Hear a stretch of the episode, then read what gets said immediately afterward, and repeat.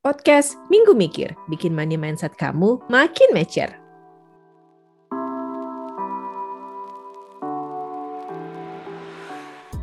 Assalamualaikum warahmatullahi wabarakatuh. Selamat datang di podcast Minggu Mikir. Cerita dalam podcast ini merupakan bagian dari edukasi literasi keuangannya Kampus Keuangan Keluarga. Ada aku Kiki dan Dian sebagai hostnya. Podcast Minggu Mikir ini bakal ngebahas keuangan dengan gaya yang santai dan bahasa yang membumi. Harapannya supaya kita semua merasa bahwa ngatur keuangan itu bukan rocket science, sehingga bisa dipraktekkan oleh siapa saja. Wah, kita udah sampai di episode ketiga nih di podcast Minggu Mikir. Jadi setelah di minggu pertama kita ngomongin sandwich generation, di minggu kedua kita ngomongin tentang planning. Nah, minggu ketiga kayaknya seru nih kalau kita bakal ngomongin tentang YOLO dan juga FOMO. Jadi fenomena yang kayaknya itu deket banget di kehidupan dan keseharian teman-teman nih. Nah, kalau ngomongin FOMO dan juga YOLO, jadi inget nih kegiatan yang baru-baru ini, ya nggak kak? FOMO dan YOLO. Terus kejadian yang mana yang baru-baru ini? Itu loh yang antrian BTS BTS mealnya McD itu. Fenomenal oh, kan? Oke oke oke. Iya iya iya ya, betul betul sampai dibubar-bubarin sama polisi ya.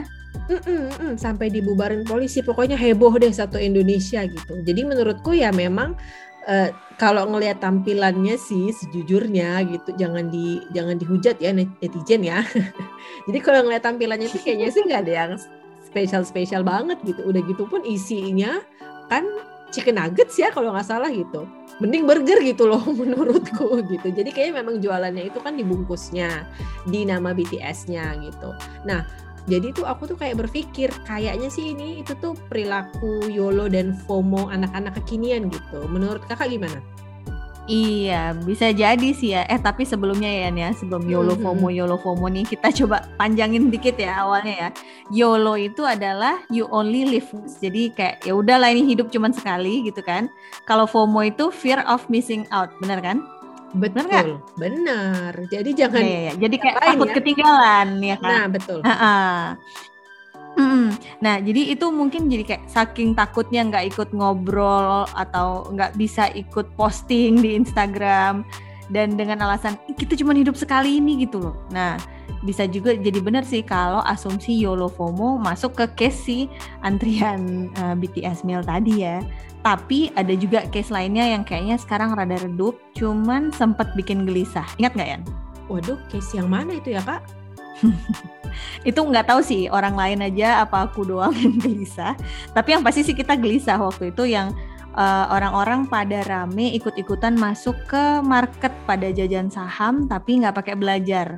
Ah, Jadi bukan iya. karena Mm-mm, bukan karena kepengen investasi tapi lebih ke ikut-ikutan. Apalagi kan orang pada pada posting tuh kan hari ini cuan apa?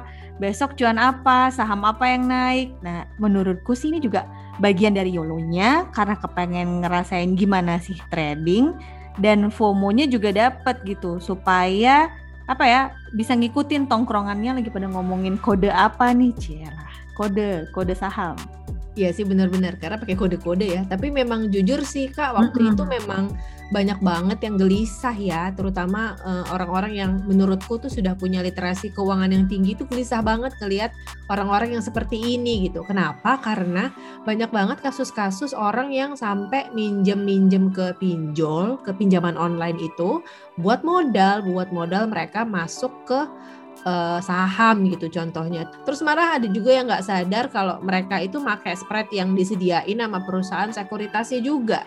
Jadi sebenarnya waktu orang pada rame-rame heboh-heboh banget beli saham itu ku pikir literasinya itu sudah pada benar, sudah pada tahu, tapi ya ternyata kan belum juga ya kalau dilihat dari historinya itu gitu. Iya, jadi kalau ngelihat dua contoh tadi itu kan sebenarnya contoh kecil aja ya, antrian BTS, orang jajan saham, uh, ya banyak banyak sebenarnya kejadian yang secara nggak sadar memang beralaskan YOLO dan FOMO gitu. Without being judgmental nih ya, dua aku takut juga sih kita dihujat. Kami tuh nggak berusaha menyamaratakan semuanya, tapi sebelum zaman COVID dulu tuh ada lagi kan contoh-contoh kayak nonton konser ke luar negeri, kan ikut-ikutan temen. Kadang-kadang nggak tahu juga tuh penyanyinya nyanyi lagu apa gitu sebenarnya atau nggak kenal bukan yang ngefans gitu kan. Terus simple-simple lah kayak nyobain uh, cafe kekinian yang instagramable gitu yang makanannya itu out of uh, their range gitu kan sebenarnya untuk dikeluarkan juga secara keuangannya. Tapi ya udah demi posting ya ikutan gitu. Sayangnya sayangnya nih YOLO dan FOMO ini tuh deket banget kaitannya sama urusan uang gitu.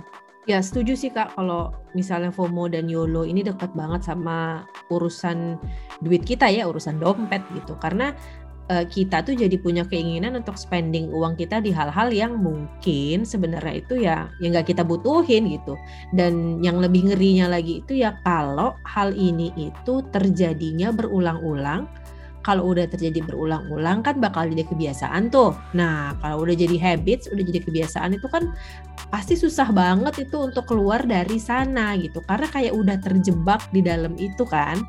Dan uh, habit yang kayak ini tuh mungkin orang mikirnya tuh kayak kecil gitu. Ah, cuman 50 ribu doang, 50 ribuan doang nih uh, eh, BTS meal kemarin gitu.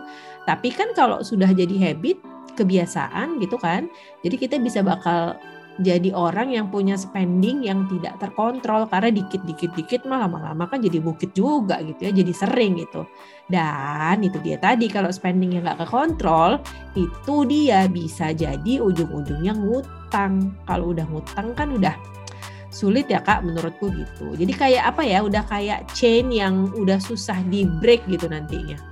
Muter hmm. gitu cycle-nya ya karena udah banyak juga kan kita dengar orang yang jadi berutang karena tuntutan sosial, minjem sana, minjem sini. Jadi jadi rela buat ngambil utangan itu sebenarnya buat hal-hal yang konsumtif aja gitu.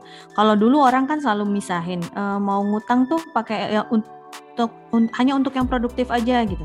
Nah kalau urusan YOLO sama FOMO kan susah ya mau misahin emang rata-rata konsumtif gitu.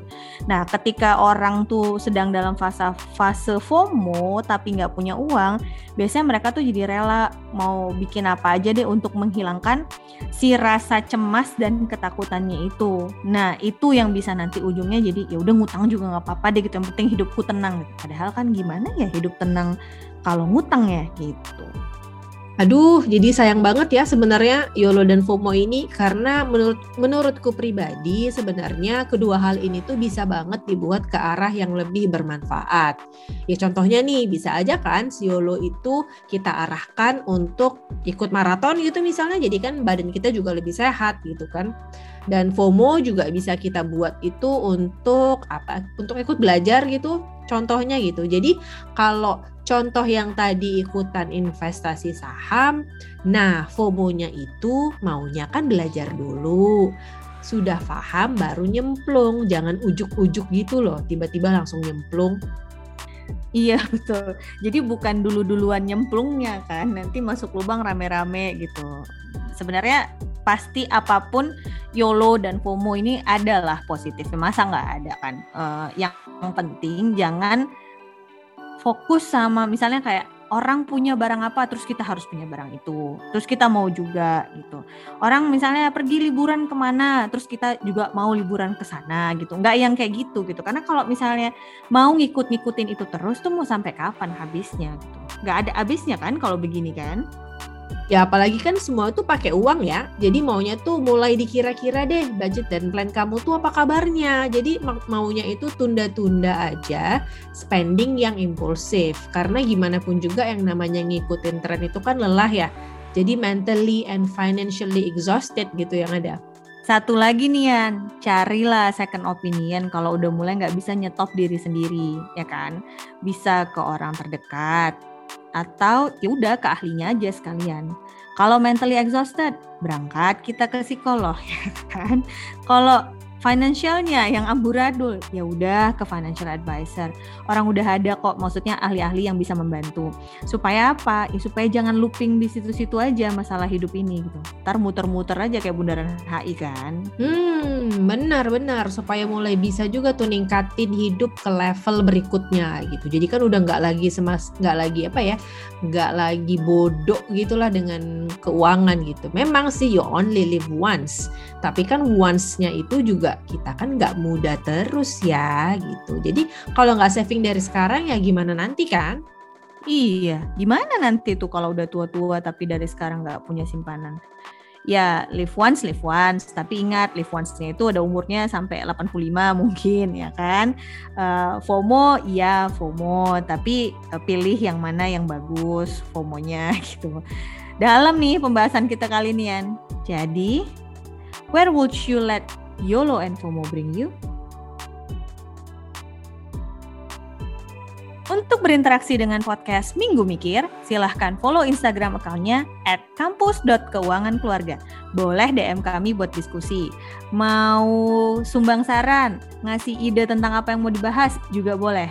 Yang paling penting, kalau mau ikutan manggung pun boleh.